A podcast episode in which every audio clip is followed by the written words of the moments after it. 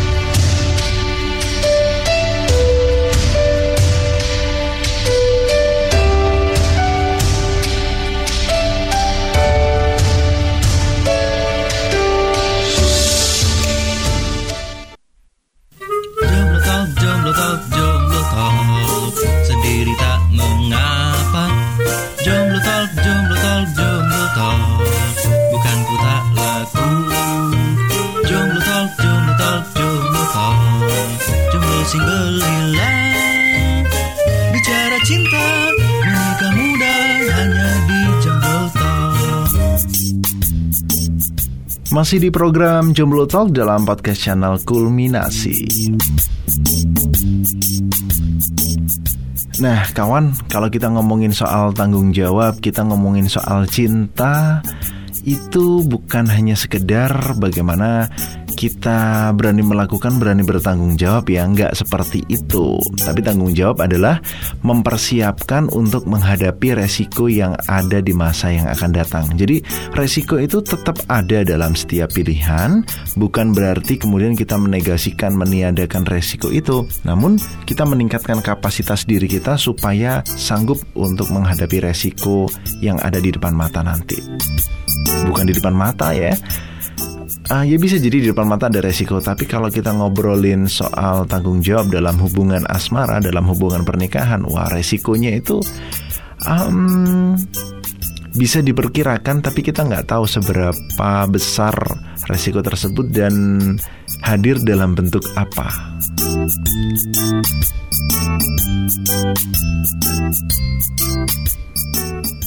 Nah, beda kalau dengan bidadari ya.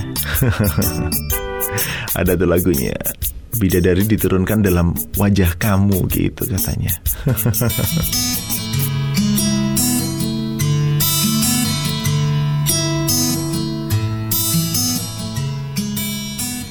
Nah, jadi ceritanya kalau um, dua episode yang lalu waktu saya ngobrolin sama ngobrolin soal cinta ya, soal bucin-bucin itu. uh, sama Mas Nabil waktu itu kita ngobrol di menit-menit terakhir kita ngobrolin soal hak dan kewajiban. Jadi ceritanya suami itu punya hak atas istrinya dan istri juga punya hak atas suaminya. Artinya apa? Um, sama-sama ada kewajiban yang harus dipenuhi satu sama lain. Jadi kalau kita sudah memenuhi hak uh, pasangan, insya Allah kita juga bisa kita sudah uh, menjalankan kewajiban kita. Jadi beratnya menjalan ketika kita menjalankan kewajiban itu artinya kita sedang memenuhi hak pasangan kita. Nah, Islam juga kawan telah mengatur kehidupan suami istri ini dengan suatu konsep kehidupan dengan satu sistem yang indah dan sempurna. Maksudnya gimana tuh? Ya, indah, sempurna, baik, bagus itu bukan kemudian dilihat dari sekedar wah ini membawa, manfaat, ini memberikan manfaat, ini menjauhkan dari mudarat, bukan hanya eh, sekedar itu.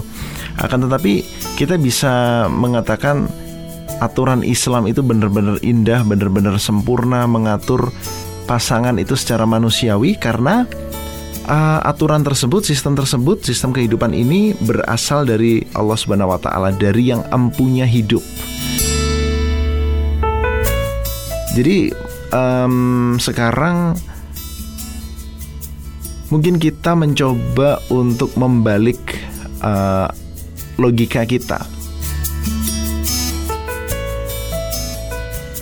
Atau mungkin mengubah logika kita. Jadi apa yang harus diubah? Contoh nih misalnya, kalau selama ini kita menganggap wah yang memberikan manfaat, yang memberikan masalah itu pasti baik, nah kita harus ubah bahwasanya setiap yang datang dari Allah pasti memberikan manfaat. Jadi ketika kita menjalankan sesuatu bukan dilihat dari maslahatnya dulu, bukan dilihat dari manfaatnya dulu, akan tetapi apakah yang seperti ini, apakah aktivitas saya, apakah pilihan saya ini mendapatkan ridho dari Allah atau enggak ya?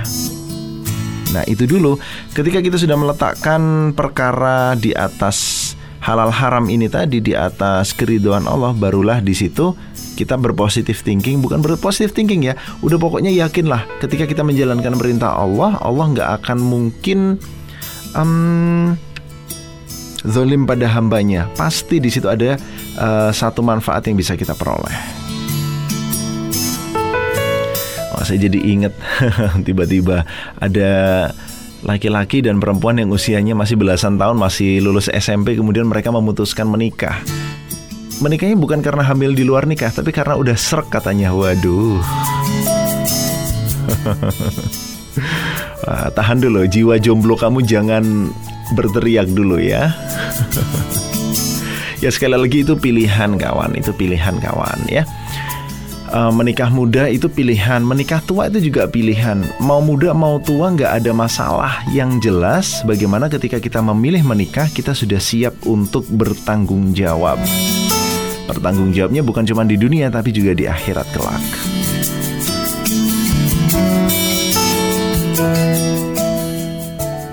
Jadi harusnya uh, premis yang dibangun bukan uh, takut zina kemudian menikah muda, bukan begitu premis yang dibangun ya. Itu premis yang ngawur. Kalau nggak kepingin zina, jangan pacaran, jangan bergaul bebas, jangan menjalankan hubungan-hubungan yang nggak diridhoi oleh Allah. Gitu premisnya.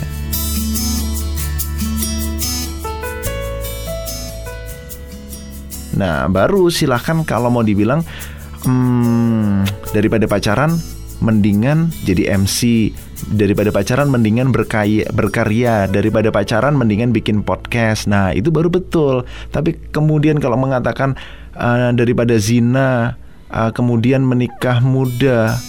Hello, kita nggak setiap hari mikirin soal zina loh. Nah, itu premis yang salah. Nah, kamu yang melek sosial media, hmm, kemarin udah nonton video yang itu belum? video yang ngawur itu ya. Atau ada yang bilang dilarang pacaran. Aduh, hidup itu garing banget tanpa pacaran. Gimana nanti kita mau menikah tapi kita nggak boleh pacaran? Itu kan sama aja membeli kucing dalam karung. Halo. Really? Umurnya udah kepala dua mbak udah udah lewat kepala dua tapi nggak ngerti bagaimana Islam mengatur hubungan antar lawan jenis, Islam mengatur pernikahan, Islam mengatur kehidupan sosial. Itu ke mana aja? Terus berani komentar kayak begitu. Hmm, maaf ya, ini ini sedikit out of the topic. Gemes aja sama yang kayak begitu. Nggak ngerti soal agama tapi nyeplosnya itu ngawur. Nah, untung-untung kalau ceplosannya masih dimakan sendiri, tapi kalau udah didengar oleh anak-anak muda yang lain kemudian memandang dari sudut pandang itu itu bisa jadi dosa jariah nantinya. Ya memang menikah muda itu nggak harus gitu. Tapi bukan berarti menikah muda itu dinegasikan sebagai salah satu solusi menjauhkan diri dari zina. Nah, kenapa? Tingkat perzinahan di Indonesia ini sudah sangat mengkhawatirkan, udah mengerikan. Maka bukan masalah menikah muda atau menikah tuanya, tapi bagaimana anak-anak muda ini diajarin Islam, belajar agama dengan baik, kemudian belajar bertanggung jawab atas diri dan lingkungannya. Harusnya seperti itu. Bukan kemudian kalau ada campaign soal nikah muda supaya menjauhkan anak muda dari zina, kemudian ada campaign uh, anti pacaran, itu kemudian dikomentarin dengan sinis kayak begitu dengan memandang bahwasanya uh, hal-hal semacam itu bukan masalah kalau kita berprestasi, apalagi bikin film uh, yang ada garis-garisnya itu Ibarat kalau kita mau bilang sama anak kita, nak jangan mainan api, tapi di sekitar dia kita kasih lilin yang banyak yang menyala. Mungkin nggak anak itu mainan nggak mainan api? Tuh yang ada di antara dua telinganya tuh dibuat mikir tuh. Apa di antara dua telinga? Otak, mbak, otak. Aduh, jadi kebawa emosi gini ya? Nggak, nggak boleh emosi. Harus slow down. Kita ngomongin soal tanggung jawab.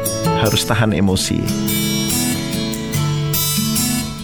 Iya, kenapa begitu? Nah, kenapa kita harus bertanggung jawab sesuai dengan Islam? Jadi bukan bertanggung jawab itu habis ngambilin berani nikahin bukan seperti itu no maksudnya bertanggung jawab seperti apa kita nurut kita taat pada aturan yang telah diberikan oleh Allah Subhanahu wa taala dalam mengatur cinta ini Kenapa? Karena Allah adalah zat yang maha tahu akan kemaslahatan bagi hamba-hambanya. Jadi Allah itu maha bijaksana dalam menetapkan keputusannya. Maka nggak usah cari keputusan-keputusan lain, aturan-aturan lain selain aturan Allah. Dan Islam juga telah menetapkan kaidah-kaidah yang mengatur hubungan suami istri. Jadi kamu perlu tahu nih yang sudah dapat calon jodoh. Nah, kamu perlu tahu yang lagi jomblo kemudian bercita-cita pengen dapat calon harus tahu juga yang bentar lagi mau nikah harus tahu juga. Nah,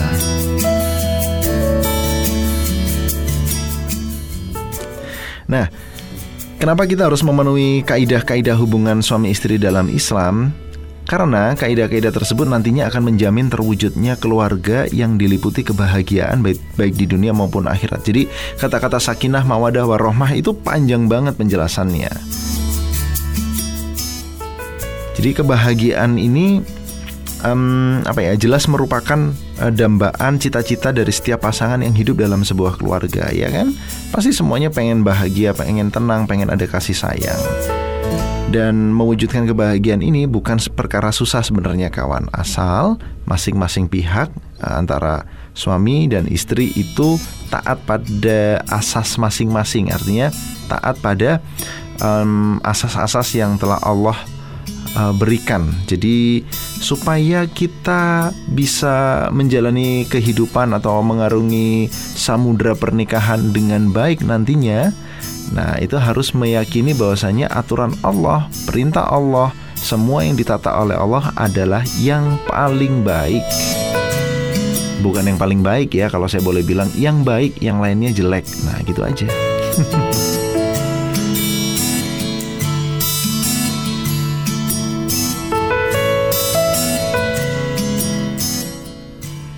sebagaimana yang um, salah satu firman Allah nih. Jadi uh, Allah itu menjanjikan bahwasanya uh, barang siapa uh, yang bertakwa kepada kepada Allah itu Allah akan menjadikan kemudahannya dalam urusannya. Jadi um, ketika kita taat sama Allah itu Allah nggak akan menutup mata. Artinya menutup mata itu berdiam diri saja, nggak ngurusin kita, yang penting hambanya bertakwa, nggak seperti itu. Akan tetapi ketika uh, hamba-hamba Allah ini bertakwa kepada Allah, maka Allah akan uh, menjadikan mudah urusan-urusan kita. Nah, jadi kalau kepengen urusannya mudah, nah bertakwalah sama Allah.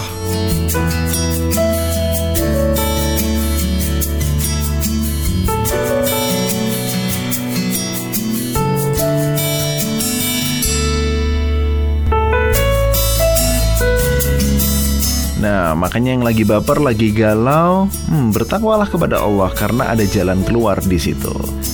Firman Allah, "Wa may yattaqillaha yaj'al lahu makhraja." Dan yang paling asyik apa? "Wa yarzuqhu min haitsu la yahtasib."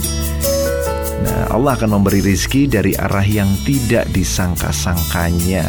Hmm, asik kan? Nah, tetaplah di Jomblo Talk dalam podcast channel Kulminasi.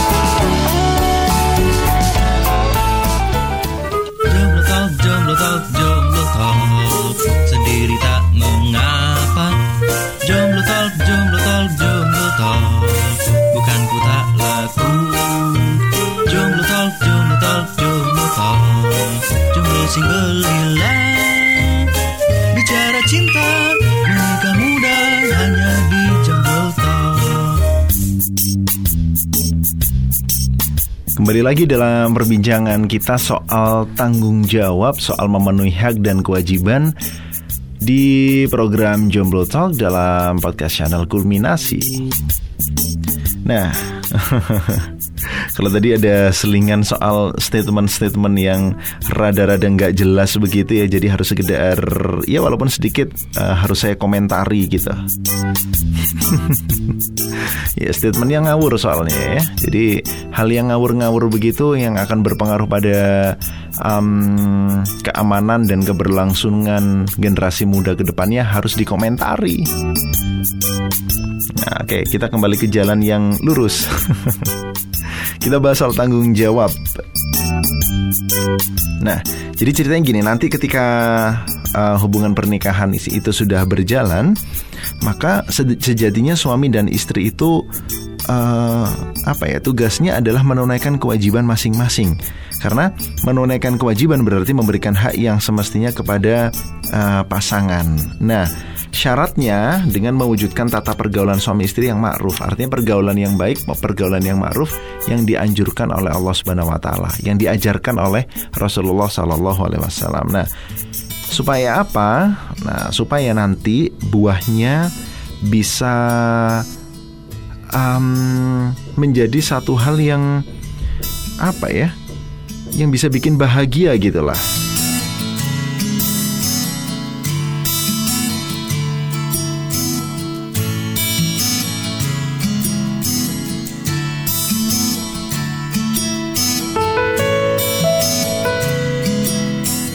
Jadi ceritanya supaya kehidupan di dalam keluarga itu bisa terisi dengan kebahagiaan, dengan kasih sayang itu eh, masing-masing uh, harus memenuhi tanggung jawabnya sebagai pasangan.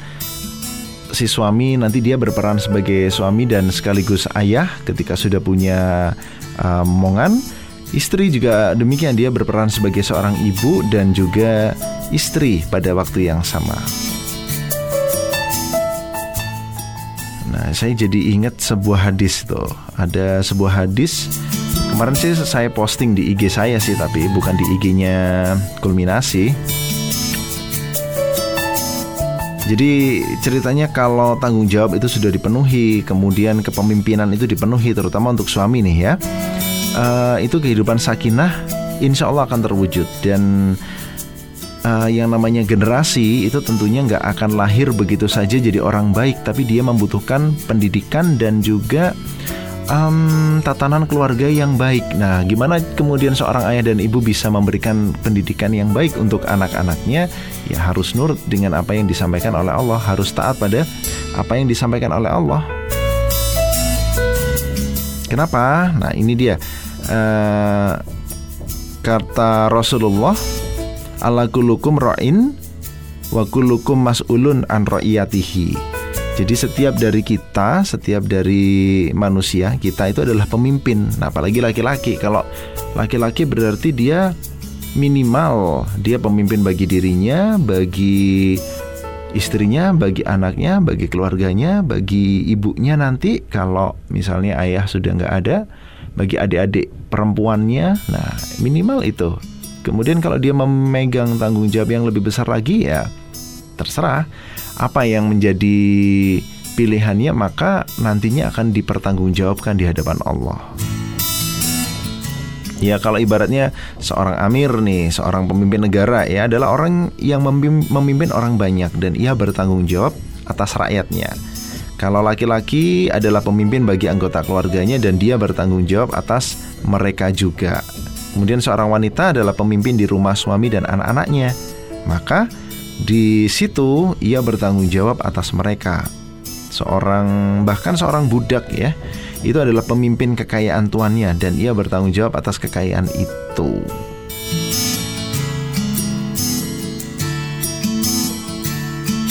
Jadi perlu kita ingat bahwasanya amanah keluarga yang diberikan oleh Allah kepada kita adalah sesuatu hal yang harus kita pertanggungjawabkan. Nah, kalau ngobrol soal pernikahan dengan istilah-istilah yang banyak sekali definisinya ya, yang itu merupakan fenomena sosial yang lazim ada di berbagai um, kehidupan masyarakat. yang artinya uh, sebuah akad atau ikatan yang terjalin di antara laki-laki dan perempuan. Nah, ternyata dalam pernikahan tersebut bukan hanya dua orang saja yang diikat dalam hubungan pernikahan, akan tetapi dua keluarga, bahkan dua keluarga besar itu akan terlibat di sana. Ya, jadi eh, nggak eh, usah heran kalau ada pengantin baru itu dia akan mencoba gimana caranya beradaptasi ber apa ya istilahnya hmm, uh, menyesuaikan diri gitulah menyesuaikan diri dengan cara bersilaturahim dengan berkomunikasi dengan keluarga pasangannya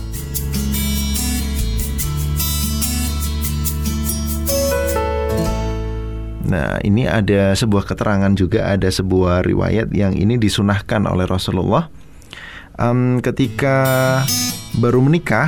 Nah, gitu ceritanya. Saya agak lupa nih uh, hadisnya, belum saya persiapkan. Tiba-tiba ingat aja. Maksudnya ingat statementnya.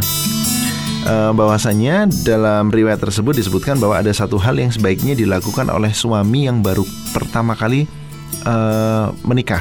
Artinya baru hari pertama menikah gitu ya. Baru pertama kali menggauli istrinya. Pagi harinya ia disunahkan Laki-laki ini disunahkan untuk mengunjungi kerabatnya atau keluarganya yang sudah menghadiri uh, walimah di rumahnya. Jadi uh, misalnya nih uh, nikah nih ya, habis nikah ada pesta pernikahannya, ada walimahnya. Nah besoknya itu disunahkan untuk mendatangi keluarga yang kemarinnya itu mendatangi walimah di rumahnya. Hmm, supaya apa? Supaya lebih akrab lagi, supaya bisa lebih kenal lagi dan hal yang paling penting yang dianjurkan oleh Rasulullah adalah ketika mendatangi rumah keluarga itu minta didoakan atau mungkin mendoakan satu sama lain. Nah,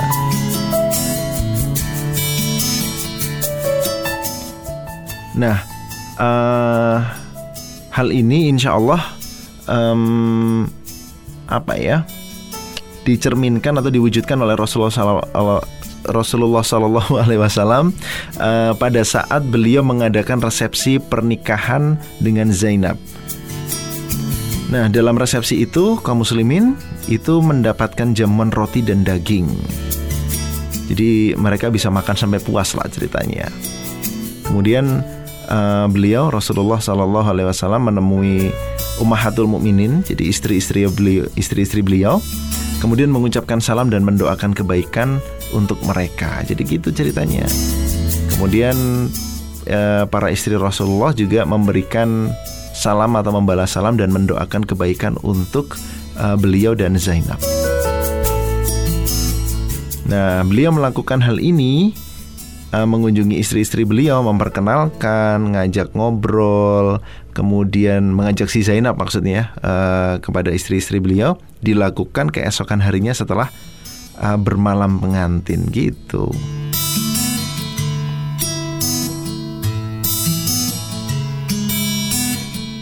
Nah, mengapa demikian? Mengapa dianjurkan demikian? Karena nanti kawan kedua belah pihak, baik suami ataupun istri ini juga harus siap hidup dalam ikatan tersebut. Jadi akad ini ternyata uh, apa ya? Melib enggak hanya melibatkan dua orang ini aja, tapi juga melibatkan apa tuh namanya? Melibatkan dua keluarga, melibatkan banyak sekali orang. Jadi ikatan pernikahan itu sebuah komitmen bareng, komitmen bersama yang harus dijaga. Jadi ada hubungan timbal balik artinya uh, istri juga harus sebagai seorang istri taat pada suami, kemudian um, berbuat baik kepada keluarga suami. Nah, suaminya pun demikian. Dia berbuat baik kepada keluarga istri. Jadi ada timbal baliknya karena ya memang pernikahan ini nggak hanya ngurusin pasangan aja, nggak seperti pacaran tuh. Iya, pacaran. yang kalau udah sayang sayangnya terus ditinggal dibilang cinta nggak harus saling memiliki aduh nah kalau dalam hubungan pernikahan itu kenapa sinis banget ya bang sinis banget bang sama pacaran iyalah perbuatan dosa itu harus disinisin harus dibuang di tempatnya. Buang ke sampah perbuatan maksiat toh. Kalau pernikahan enggak, jadi bagaimana seorang laki-laki dan wanita di dalam mempersiapkan pernikahan itu benar-benar harus siap secara mental, secara uh, tanggung jawab, secara apa ya lahir batin lah pokoknya harus siap. Karena yang dia hadapi nanti, yang mereka hadapi, yang pasangan ini hadapi, bukan cuma pasangan ya, tetapi komentar-komentar dari keluarga besar. Aduh, contoh nih misalnya yang sering kali uh, muncul nih di tengah-tengah masyarakat ya. Kalau nikahnya muda ditanya, eh hamil duluan kah? Nah begitu, ya masyarakat zaman sekarang. Jangan kaget dengan yang seperti itu. Waktu nikah muda ditanya, wah ini jangan-jangan nikah uh, muda nikahnya cepet-cepet karena udah hamil nih. Ntar uh, begitu udah nikah nggak punya momongan abis itu dikomentarin lagi komentarnya gimana ya komentarnya aduh masa nggak kepingin sih ngasih cucu untuk bapaknya ibunya nah begitu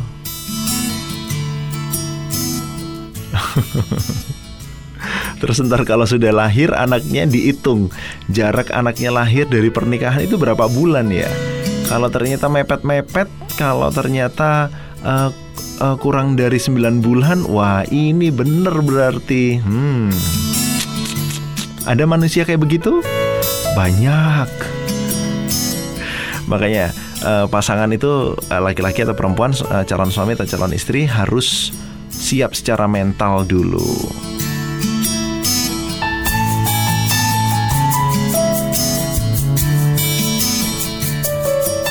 Ya paling nggak untuk bisa membalas omongan-omongan semacam itu dengan senyuman, dengan sabar, dengan uh, baik gitu ya. Nah, akhirnya ketika satu sama lain bisa memenuhi um, kewajiban di dalam hubungan pernikahan ini bisa memenuhi atau apa ya? Bisa memenuhi hubungan timbal balik sih. Itu akan melahirkan hak dan kewajiban yang terpenuhi sehingga nanti harapan ah, harapan-harapan yang diinginkan dalam pernikahan bisa terwujud. Jadi gampangnya itu hak-hak suami berarti adalah kewajiban istri. Sebaliknya, hak-hak istri berarti kewajiban bagi pihak suami. Kesimpulannya, menunaikan kewajiban itu berarti memberikan hak yang semestinya kepada pihak suami atau istri.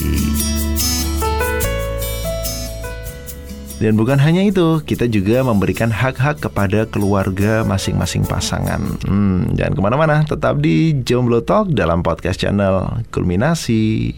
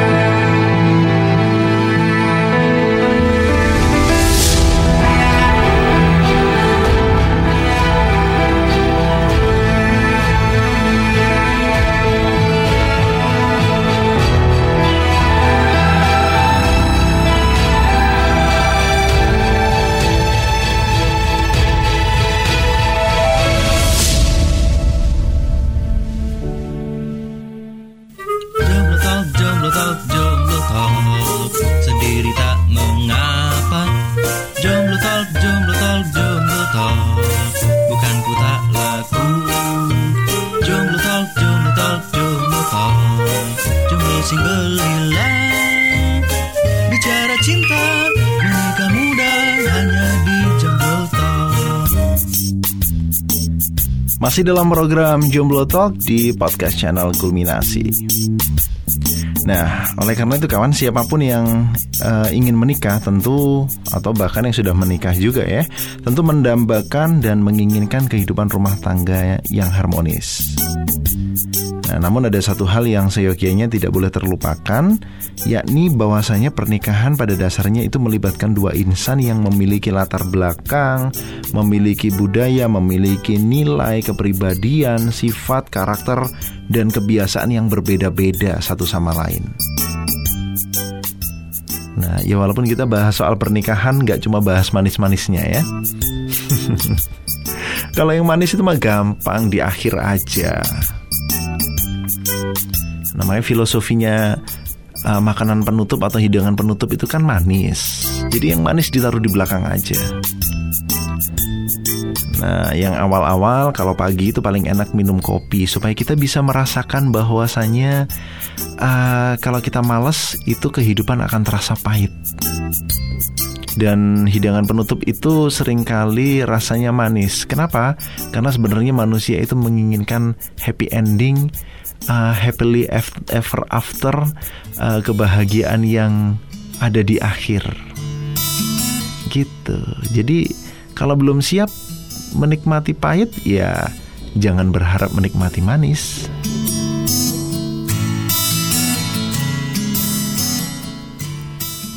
Nah, tentu saja untuk menyikapi hal yang semacam ini, nah itu ternyata harus diterima dulu, harus bisa apa ya? Um, diterima diterima sebagai kelebihan dan kekurangan masing-masing. Jadi semua perbedaan ini sebenarnya sudah ada jauh sebelum pasangan atau calon pasangan suami istri ini memutuskan untuk hidup bersama dalam ikatan pernikahan. Nah, jadi jangan heran kalau nanti ternyata di kenyataannya kehidupan rumah tangga berjalan tidak seindah yang dibayangkan.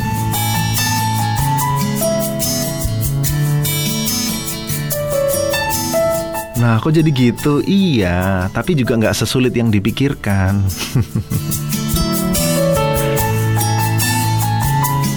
iya, kenapa begitu? Karena memang dalam hubungan rumah tangga pasti nanti akan muncul persoalan, persoalan demi persoalan yang bermunculan, benturan-benturan, perbedaan sifat dan lain sebagainya yang itu rawan menimbulkan konflik dalam rumah tangga.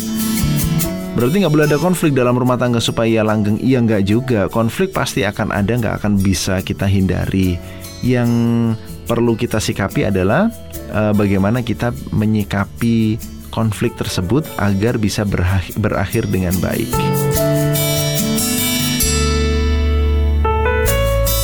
Nah, inilah sebenarnya tantangannya kawan, karena tantangan uh, bagi seorang muslim di dalam pernikahan itu harus diperjuangkan oleh siapa pun muslim yang hidup berumah tangga.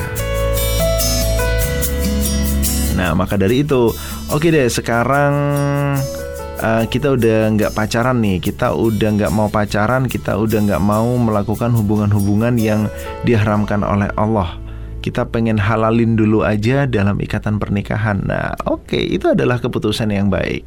Nah, tinggal next bagaimana kita um, mempersiapkan hal-hal itu supaya bisa uh, benar-benar menjadi kehidupan halal yang harmonis. Jadi bukan sekedar halal tapi juga harmonis, harus sakinah, mawadah, warohmah.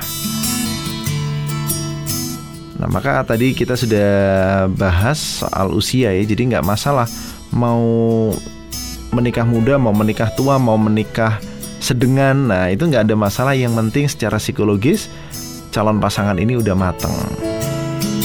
Jadi kita harus bisa meyakinkan diri kita bahwa Uh, ternyata aku udah cukup dewasa kok untuk memikul beban-beban baru selama kehidupannya nanti. Toh selama ini aku juga sudah bisa mengatasi Eh, problema-problema, masalah-masalah dalam kehidup kehidupan yang udah aku jalanin. Contoh misalnya kalau laki-laki ya sebelum memiliki hubungan yang baru, kehidupan baru dalam pernikahan, ya harus berlatih dulu dengan hidupnya sendiri, dengan hidup bersama orang tuanya yang dulu. Nah, itu harus dijadikan sebagai tolok ukur seorang laki-laki ini sudah dewasa secara psikologis, sudah matang secara psikologis untuk menjalankan hubungan pernikahan.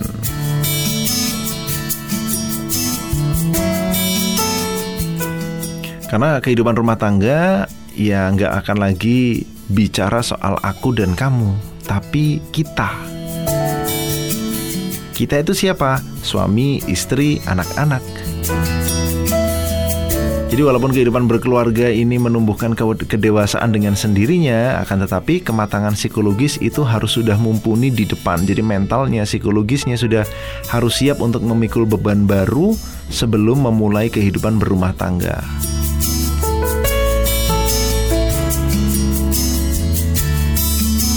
Nah, contoh nih, konflik yang bakal muncul nih misalnya seorang laki-laki yang uh, dia udah seharian bekerja, dia udah capek mencari nafkah di luar, dia udah cari mengais rezeki, ya mengais rezeki rezeki kok dikais ya, pokoknya dicarilah.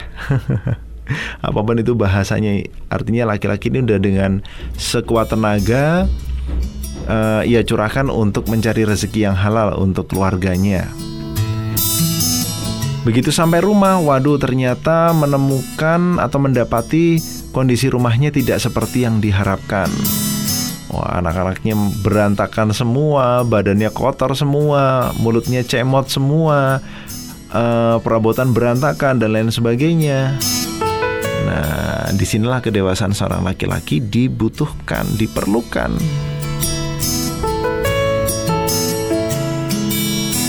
Alih-alih mengatakan, "Aduh, udahlah, kamu yang bersihin aku udah capek kerja nih seharian di luar."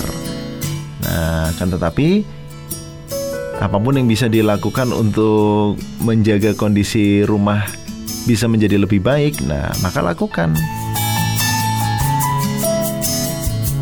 Itu baru satu konflik aja, itu baru satu contoh aja. Belum kalau misalnya pulang ke rumah nggak ada makanan, perut udah keroncongan, aduh gimana ini? harus dipersiapkan sebaik mungkin hal-hal semacam itu. Pasti akan muncul seberapapun kadarnya, seberapapun uh, berat ringan masalahnya, pasti konflik-konflik yang demikian akan muncul. Jadi kedewasaan sekali lagi harus dipersiapkan.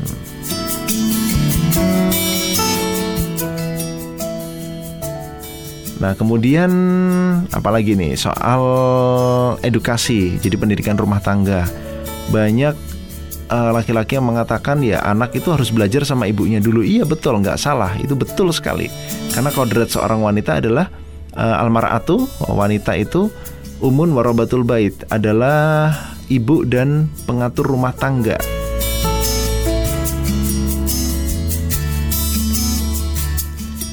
Jadi sebelum menjalani kehidupan rumah tangga, memaham kalau tadi kita bahas soal memahami hak dan kewajiban, nah itu harus di uh, pahami dulu. Kemudian perbedaan psikologis laki-laki dan perempuan itu sedikit kita bahas ya waktu ngobrol sama Mas Nabil waktu itu um, soal suara ayam dan bebek.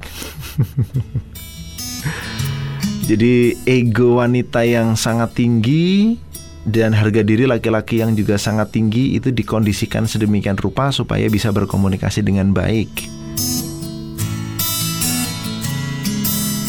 Nah, jadi kalau hal-hal semacam ini sudah dipersiapkan terutama nanti untuk mendidik anak juga peran laki-laki sangatlah penting. Ya bener, wanita adalah gurunya tapi laki-laki adalah kepala sekolahnya. Jadi harus memberikan fasilitas, harus memberikan sarana dan prasarana yang baik juga untuk pendidikan putra-putrinya.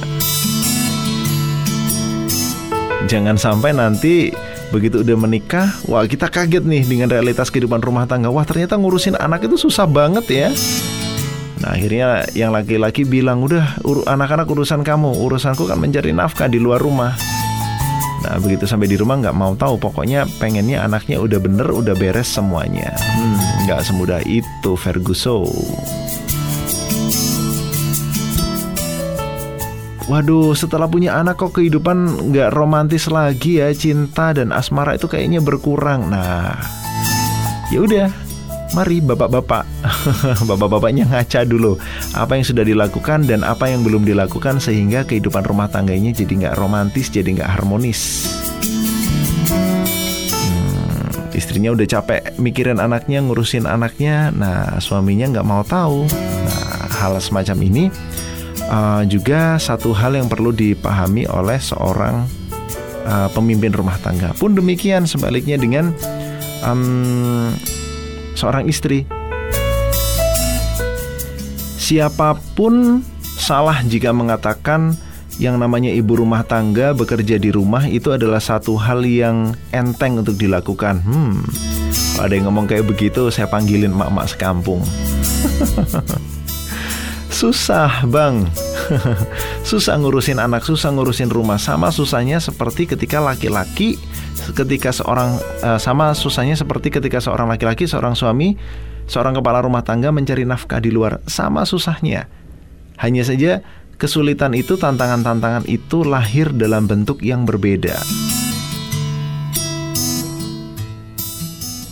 Mulai dari ngurusin anak uh, ngatur uh, rumah, rumah tangga, habis gitu ngatur belanjaan. Nah, itu susah banget. Ketika suami nggak di rumah, istri harus siap memenuhi kebutuhan suami ketika nanti suaminya pulang. Nah, hal-hal semacam ini juga perlu diperhatikan dan bukan berarti uh, dengan merasa sulit seperti ini, dengan merasa bahwasanya pekerjaan rumah tangga itu sulit. Nah, ketika suami pulang, udah semua tugas dilemparkan sama suami. Ya nggak gitu juga, ibu. Nah, ketika suami pulang, alangkah baiknya gimana caranya diobrolkan dengan baik supaya bisa mengatur kehidupan, supaya bisa menata hal-hal itu bareng-bareng. Jadi bukan berarti ah ini bang dari pagi sampai sore nih tadi aku udah begini begini begini begini. Sekarang gantian kamu. Hmm, ya nggak gitu juga. Walaupun ya memang kayak begitu.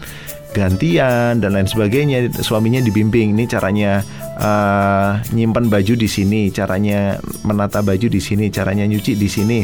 Uh, nanti anaknya kalau mau makan caranya begini begini begini begini. Nah tetap didampingi bukan dilepaskan begitu saja karena apa karena suami juga begitu pulang dari rumah dia harus menghadapi masalah baru dan pikirannya harus tenang terlebih dahulu sebelum membuka lembaran baru dalam aktivitas kesehariannya. Jadi tolong dibantu juga ya.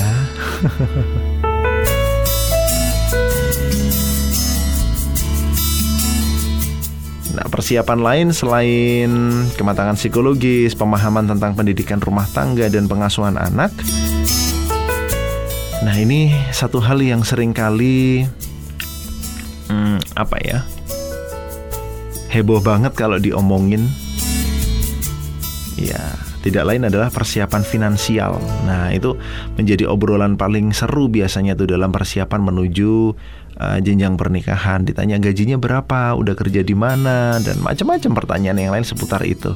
Dan biasanya kalau udah bahas seperti ini, yang keder itu laki-laki. Nah, apalagi zaman sekarang banyak nih ya pasangan pasangan-pasangan muda yang umumnya masih terbilang memiliki penghasilan ala kadarnya dalam tanda kutip ya. Maksudnya masih pas-pasan begitu. Nah, kemudian dihadapkan dengan perkiraan-perkiraan seputar kebutuhan finansial keluarga yang menjadi tanggung jawab suami. Nah, jadi Ya minimal kalau memang masih minim gimana caranya menabung dan membangun serta nyicil sejak dini itu nggak ada salahnya. Nah, hmm, boleh deh kapan-kapan kita kupas uh, seputar kalau kalau malam ini nggak nutut nggak nggak bakalan nutut kalau kita kupas seputar ini manajemen keuangan suami istri. Dan sebaik-baik istri adalah yang bisa menjaga harta suaminya. Maksudnya ngatur harta suaminya supaya nggak cepat habis, supaya nggak boros, bisa membedakan antara kebutuhan dan keinginan. Dan jangan kaget ketika nanti sudah menikah, ternyata apa-apa yang dibayangkan seputar finansial itu nggak seperti hal-hal yang ditakutkan. Kenapa? Karena ketika kita bertakwa kepada Allah, menikah karena Allah, menikah karena niat beribadah kepada Allah, Nah, wa yarzukhu min haitsu la yahtasib. Allah akan memberikan rezeki, memberikan jalan keluar, memberikan pertolongan dari arah yang kita nggak pernah sangka-sangka.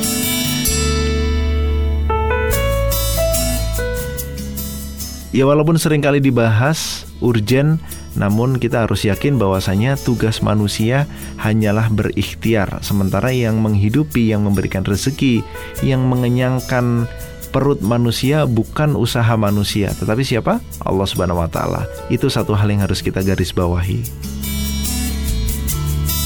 Mengapa demikian? Karena urusan percaya pada rezeki itu adalah urusan uh, keimanan, sementara urusan pekerjaan itu adalah urusan kewajiban yang dilakukan untuk memenuhi syariat Allah. Ketika syariat ini tidak dipenuhi, maka akan ada dosa-dosa yang nanti menutupi pintu-pintu rezeki. Nah, kemudian dosa-dosa inilah yang menghalangi rezeki turun kepada manusia. Gitu ceritanya kakak. Oke, kita akan lanjutkan lagi obrolan kita setelah yang satu ini. Jangan ke mana-mana, tetap di program Jomblo Talk.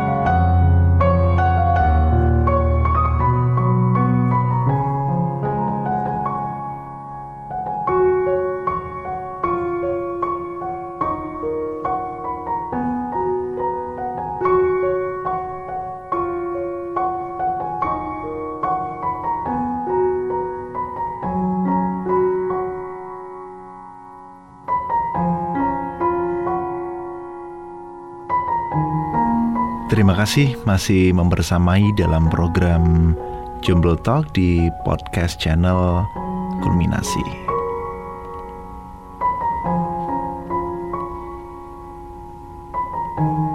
Nah, kalau udah muncul lagu ini itu rasa-rasanya kayak udah hampir satu jam ya kebersamaan kita dalam satu episode.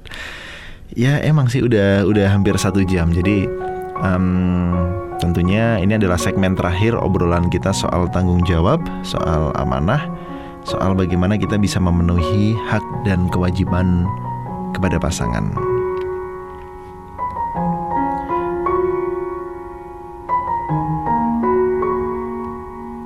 Iya, karena kawan, hubungan di dalam pernikahan adalah sebuah amanah.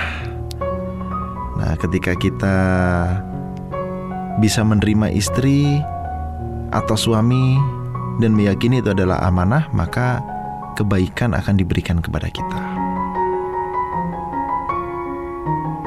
Dan Rasulullah SAW bersabda, berpesan kepada kita, kalian menerima istri berdasarkan amanah Allah. Amanah sendiri kawan adalah sesuatu yang diserahkan kepada orang lain dengan perasaan aman dari si pemberi. Aman, karena si pemberi amanah ini percaya bahwa apa yang diamanahkan itu akan dipelihara dan dijaga dengan sebaik-baiknya. Pendek kata, apa yang diamanahkan itu aman berada di pihak yang diberi amanah. Atau lebih jelasnya lagi, ada seorang ayah yang merasa bahwasanya selama ini anak perempuannya aman berada di dalam pangkuannya, berada di dalam pelukannya, berada di dalam perlindungannya. Namun hari itu ayah tersebut harus memberikan anak perempuannya kepada laki-laki lain yang dia baru kenal, yang dia nggak ngerti apakah laki-laki ini bisa menjamin kehidupannya, bisa memberikan sebaik apa yang diberikan oleh ayahnya kepada si wanita ini. Itulah amanah. Ketika seorang ayah melepaskan anak perempuannya untuk menghabiskan sisa hidup anak perempuannya bersama laki-laki yang siap untuk menjaga amanahnya. Seperti itulah amanah. Maka tentunya hal seperti ini nggak bisa kita biarkan begitu saja, lepas begitu saja tanpa ada sesuatu yang dipersiapkan secara matang terlebih dahulu. Karena nggak mungkin kelak ketika kita sudah menerima amanah dari seorang wali perempuan, kemudian kita sudah menjadi suami dari perempuan tersebut, kemudian di akhirat kita ditanya mengapa kamu nggak bisa menjaga amanahmu sebagai seorang suami? Nggak lucu kawan.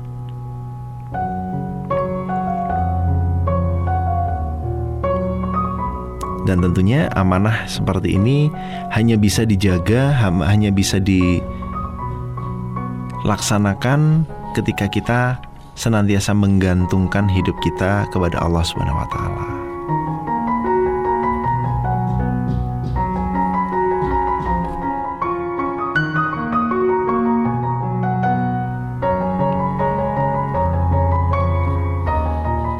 Bahkan dalam sebuah hadis dikatakan siapa pun wanita yang wafat, siapa pun wanita yang meninggal sementara sang suaminya ini ridho kepadanya, niscaya ia masuk surga. Hmm.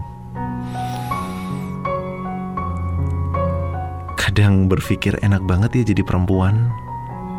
Taat sama suami bisa masuk surga, diridhoi sama suami bisa masuk surga. Sedangkan kita yang laki-laki hmm, harus bekerja uh, sekeras mungkin untuk meraih surga. Nah, tapi ternyata kawan untuk yang laki-laki nggak mudah bagi seorang wanita untuk bisa menundukkan dirinya di hadapan laki-laki. Sama beratnya seperti kita saat kita harus uh, berdakwah, berjihad di jalan Allah, menegakkan ibadah-ibadah yang lain untuk Allah. Sama sulitnya seperti itu. Maka saat ini jika kamu sudah siap untuk menghadapi dan mengarungi kehidupan rumah tangga, jagalah rumah tanggamu sebaik mungkin sebagaimana Rasulullah dan sahabat menjaga keluarganya dan semoga penjagaan itu, keamanan itu dan amanah itu bisa berlangsung terus hingga meraih surga Allah Subhanahu wa taala. Dan akhirnya saya Ahmad Adiasta harus pamit undur diri dari ruang dengar kamu. Terima kasih telah berpartisipasi malam ini. Bila taufik walidayah. Assalamualaikum warahmatullahi wabarakatuh.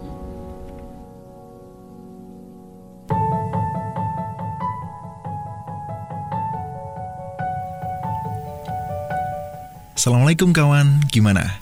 Apakah kamu merasakan manfaat dari adanya podcast kulminasi ini? Jika iya, langsung aja klik tombol follow agar kamu selalu update dengan konten-konten kulminasi. Silahkan juga share link podcast Kulminasi agar manfaatnya dapat dirasakan oleh lebih banyak orang lagi. Dan jangan lupa follow Instagram kami di @kulminasipodcast agar kita bisa saling sapa. Di sana, kamu juga bisa meninggalkan komen, saran, kritik, dan masukan agar kualitas podcast kulminasi ini dapat lebih baik lagi. Assalamualaikum warahmatullahi wabarakatuh.